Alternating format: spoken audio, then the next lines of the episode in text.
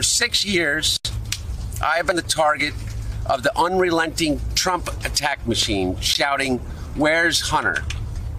Well, here's my answer I am here.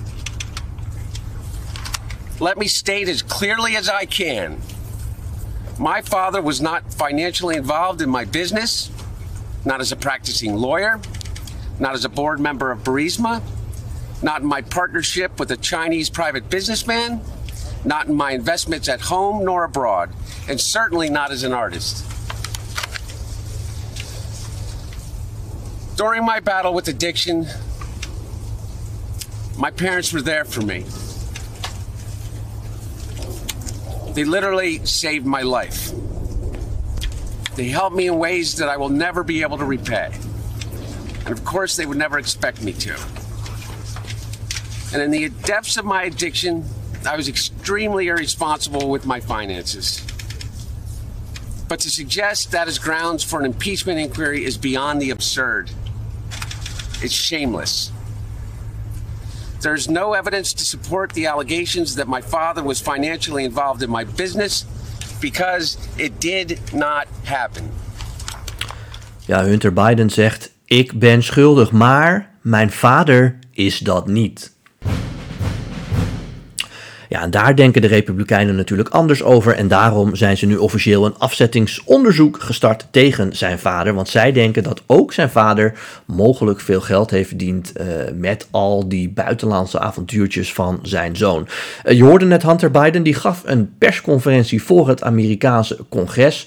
Uh, het komt erop neer dat. Uh, hij uh, is uitgenodigd, is gevraagd door Republikeinen om een verklaring af te geven, om te getuigen. En hij heeft, denk ik, heel slim wel gezegd: dat wil ik best doen, maar dan wel waar de camera's bij zijn. Dus in een openbare hoorzitting in het congres. En daarvan hebben de Republikeinen vooralsnog, ik denk dat ze wel van gedachten gaan veranderen, maar vooralsnog gezegd, uh, dat gaan we niet doen. En ja, daarmee uh, halen ze natuurlijk een beetje de verdenking op zichzelf dat ze het niet aandurven om hem in het openbaar te horen. Uh, maar ik denk eerlijk gezegd dat ze dat nog wel gaan doen, want er zijn toch heel veel schunnige, vieze dingetjes gebeurd in het leven van Hunter Biden. Dan heb ik het niet over de seksclubs en de hoeren en allerlei andere zaken, maar dan heb ik het over ja, het aannemen van betaalde klussen in onder andere Oekraïne, in China. Waarbij ook Hunter Biden wist, en natuurlijk wist ook Joe Biden dat, dat uh, zijn zoon die baantjes alleen maar kreeg omdat zijn achternaam Biden was en zijn vader destijds vicepresident was in het Witte Huis van Barack Obama. Dat is, zijn dus zaakjes die stinken. Nou, en uh, uh, daar doet het congres dan ook uh, terecht onderzoek naar. Alleen de vraag is of je dan natuurlijk meteen een afzettingsonderzoek moet starten. Want dan moet je toch ook wel een redelijke verdenking hebben dat de president, want daar gaat het dan om, ehm, ook dingen heeft gedaan die niet kunnen. Kijk, dat Hunter Biden dingen heeft gedaan die niet kunnen, hebben we veel vaker in deze podcast besproken. Dat is natuurlijk ook zo. deze week is hij weer in het nieuws gekomen omdat ook in Californië ze hem willen aanpakken. Hij schijnt daar namelijk bijna 5 miljoen miljoen dollar uh, aan belasting te hebben ontdoken. Hij heeft uh, allerlei uitgaven op zijn bedrijf uh, gezet, waarvan ze in Californië zeggen, hey, waarvan de Belastingdienst zegt, nee, nee, nee, nee, dat had je gewoon moeten betalen. Dat is ook logisch, want ik heb in diverse media daar lijstjes van gezien, ja, die liegen er niet om, wat hij allemaal heeft afgeschreven op zijn bedrijf ja, allerlei uitgaven in medicijnwinkels met een waarde van 230.000 dollar.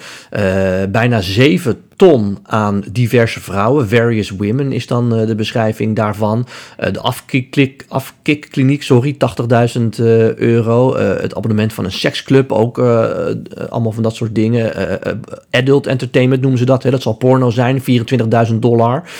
Ja, dat kun je natuurlijk allemaal niet afschrijven. Dus daar wordt hij terecht voor aangepakt. Hij is eerder natuurlijk al in, uh, uh, aangepakt voor het kopen van een wapen terwijl hij uh, verslaafd was. Dat mag niet. Nou, allemaal zaken die spelen. En Kijk, die zaakjes in Oekraïne en China, daarvan is maar de vraag of dat illegaal is. Ik denk zelfs dat het legaal is, maar dat is gewoon niet netjes. Maar goed, al die dingen bij elkaar opgeteld betekenen nog niet dat de president iets verkeerds heeft gedaan. En de Republikeinen verdenken Biden ervan, althans, die willen in ieder geval die verdenking uh, opwekken bij veel kiezers. Uh, want daar gaat het uh, voor nu natuurlijk om, dat Biden ook persoonlijk heeft geprofiteerd. En ja, mijn analyse blijft toch de volgende. Ik heb er heel veel over gelezen.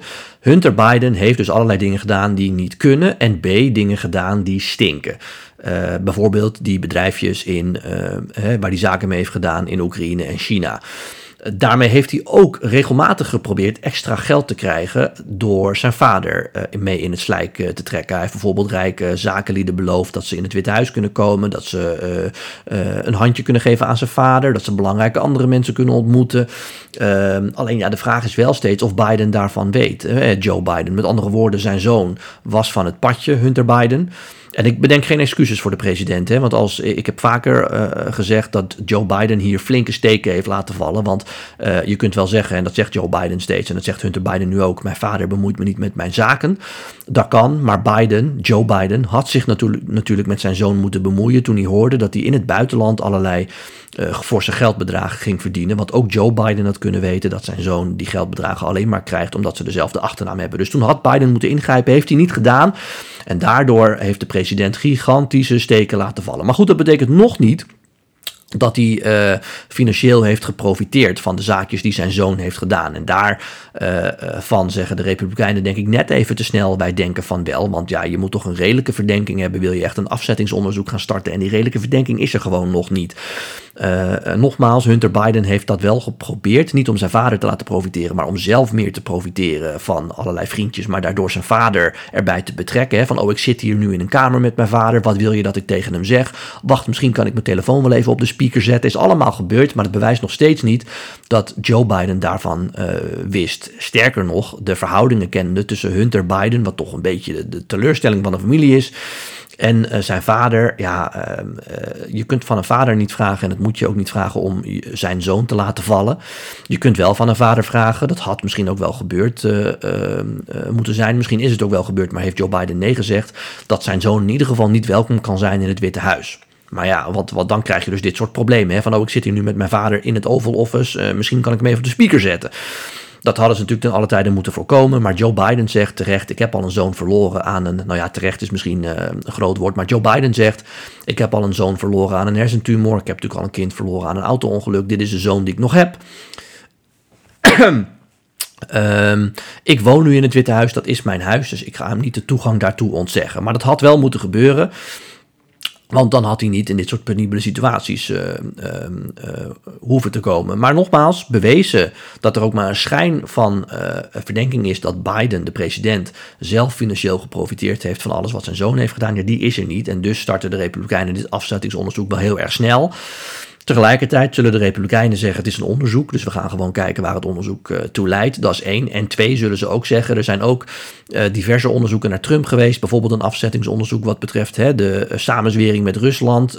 waarvan ook achteraf wel twijfel is: heeft het allemaal wel zo plaatsgevonden zoals dat toen gezegd is? Dus nu is het onze beurt. En dat is natuurlijk ook zo. Ook toen de Democraten er kei keihard in gingen tegen Trump, is ook wel door Democraten destijds gezegd: pas nou op wat we hier doen, want de Republikeinen zullen zodra ze de kans krijgen bij een president van ons direct hetzelfde doen. En dat is wat er nu gebeurt. Dus je kunt niet helemaal zeggen dat het een koekje van eigen deeg is, maar een beetje wel.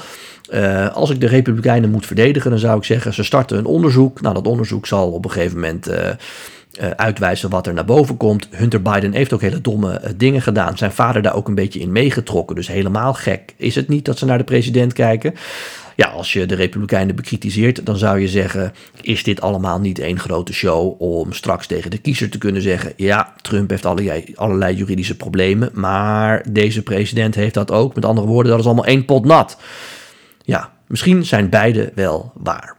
Goed, tot zover wat mij opviel in de media deze week. Dan nu naar jullie vragen. Die hebben jullie ingestuurd via Twitter, Instagram en LinkedIn. Ja, ik begin even met een fragmentje van Bill Clinton. Uh, want ik heb het daar in de vorige podcast over gehad. Even terug. Uh, heel veel van jullie hebben gevraagd: kun je wat meer aandacht besteden aan waarom Bidenomics niet werkt? En ik heb toen ook uitgelegd in de vorige podcast. Ja, Bidenomics op papier werkt het wel. Ik bedoel, het gaat goed met de economie, er komen banen bij. Alleen de inflatie is nog steeds best hoog. En daardoor voelen Amerikanen niet dat het beter gaat. En wat Biden eigenlijk nodig heeft, dat kan hij zelf niet, omdat hij gewoon verbaal niet meer zo sterk is. Maar wat hij nodig heeft, is iemand als Bill Clinton die in 2012, toen Obama voor zijn herverkiezing ging, hè, na de financiële crash waar ze uitkwamen, tegen kiezers zei: Geloof mij nou, u voelt misschien nog niet dat het beter gaat met de economie, maar dat gaat het wel. Alleen dat heeft tijd nodig. Uh, ik heb dat toen uitgebreid beschreven hoe uh, Clinton dat deed, vlak voor de verkiezingen van 2012. Dat was een speech op de Democratische Conventie, waarbij in één keer heel veel kiezers dachten: Oh, zit dat zo? En toen toch Obama het voordeel van de twijfel gaven. En omdat. Uh, ik dat uitgebreid beschreven heb en jullie vervolgens zeiden: Hey, kun je daar wat meer over vertellen? Heb ik dat fragment even meegenomen. Als je op YouTube zoekt op Bill Clinton 2012 DNC, hè, de DNC van 2012 Democratic National Committee van 2012, dan vind je die hele speech. Maar hier een fragment waarin Clinton dus eigenlijk zegt wat Joe Biden nu zou moeten zeggen. Of misschien kan Joe Biden Clinton wel inhuren weer. Uh, waarin hij tegen de kiezer zegt: Het voelt misschien alsof de economie niet heel goed gaat, maar dat gaat die echt wel op een gegeven moment. Let op. A lot of Americans are still angry and frustrated about this economy. If you look at the numbers, you know employment is growing, banks are beginning to lend again. In a lot of places, housing prices are even beginning to pick up. But too many people do not feel it yet. I had the same thing happen in 1994 and early 95. We could see that the policies were working, that the economy was growing, but most people didn't feel it yet. Thankfully, by 1996, the economy was roaring, everybody felt it, and we were halfway through the longest peacetime expansion in the history of the United States. But, wait, wait. The difference this time is purely in the circumstances. President Obama started with a much weaker economy than I did. Listen to me now. No president, no president, not me, not any of my predecessors, no one could have fully repaired all the damage that he found in just four years. Ja, dus hopelijk heb ik hiermee veel vragen van jullie beantwoord over waarom Biden Economics dan niet werkt. Hè. Het, het, cijfers zijn goed, maar mensen moeten het ook voelen. En Trump speelt natuurlijk in op het gevoel ja, dat dat. Uh, momenteel gewoon nog niet goed gaat en dat het onder zijn bewind wel uh, een stuk beter ging. Nou, tel erbij op de afzettingsprocedure die nu, of het afzettingsonderzoek wat nu loopt tegen Joe Biden, dan kan Trump ook nog eens zeggen van ja, ik heb wel wat juridische problemen, maar dat heeft uh, de president ook. Dan, vervolgens zijn er heel veel vragen binnengekomen over alle rechtszaken tegen Trump en wat het Hoge Rechtshof daar nu mee gaat doen. Het volgende, ik, ik, ik pak al die vragen voor jullie dus even samen. het volgende speelt zich daar af. Is een lang verhaal, maar het komt er eigenlijk op neer dat meerdere uh, mensen die zijn veroordeeld voor wat er op 6 januari is gebeurd, zeggen dat Ehm, de wet waar ze mee veroordeeld zijn, dat die niet van invloed kan zijn op hun. Want eh, het gaat er dan over dat ze een officiële uh, proceeding hebben geprobeerd te dwarsbomen.